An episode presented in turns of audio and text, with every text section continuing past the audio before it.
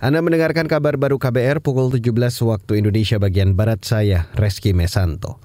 Saudara, revisi Kitab Undang-Undang Hukum Pidana atau RKUHP selesai dibahas dan akan segera disahkan. Wakil Menteri Hukum dan HAM Edward Omar Sarif Hiraj mengatakan, rencana pengesahan itu telah disepakati bersama Komisi Hukum DPR.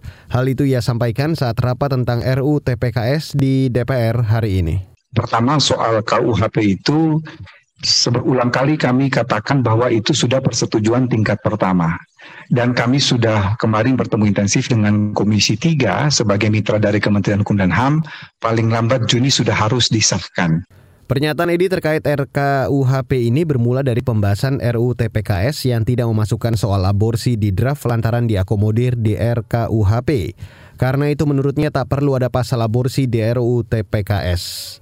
Beralih ke berita selanjutnya, Saudara, PT Angkutan Sungai Danau dan Penyeberangan atau ASDP Ketapang Banyuwangi, Jawa Timur menyiapkan 48 unit kapal untuk angkutan mudik lebaran tahun ini. Manajer usaha PT ASDP Ketapang Banyuwangi, Marsadik memperkirakan penumpang dari Pelabuhan Gilimanuk Bali akan naik 10% saat arus mudik. Kalau prediksi kami, puncak hmm. mudiknya itu ada di tanggal dua hari sebelum lebaran.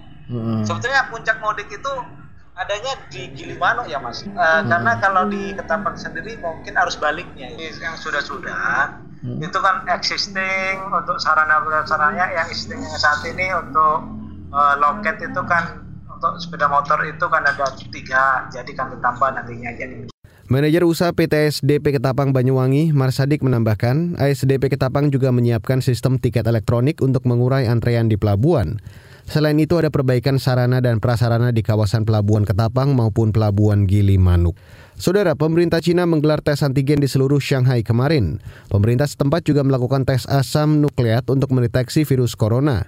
Sebab di kota itu tengah terjadi lonjakan kasus COVID-19.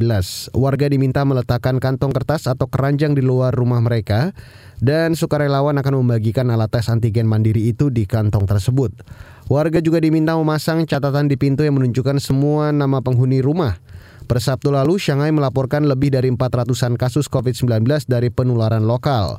Selain itu ada 7.000 lebih kasus tanpa gejala. Dan saudara, Demikian kabar baru, saya Reski Mesanto.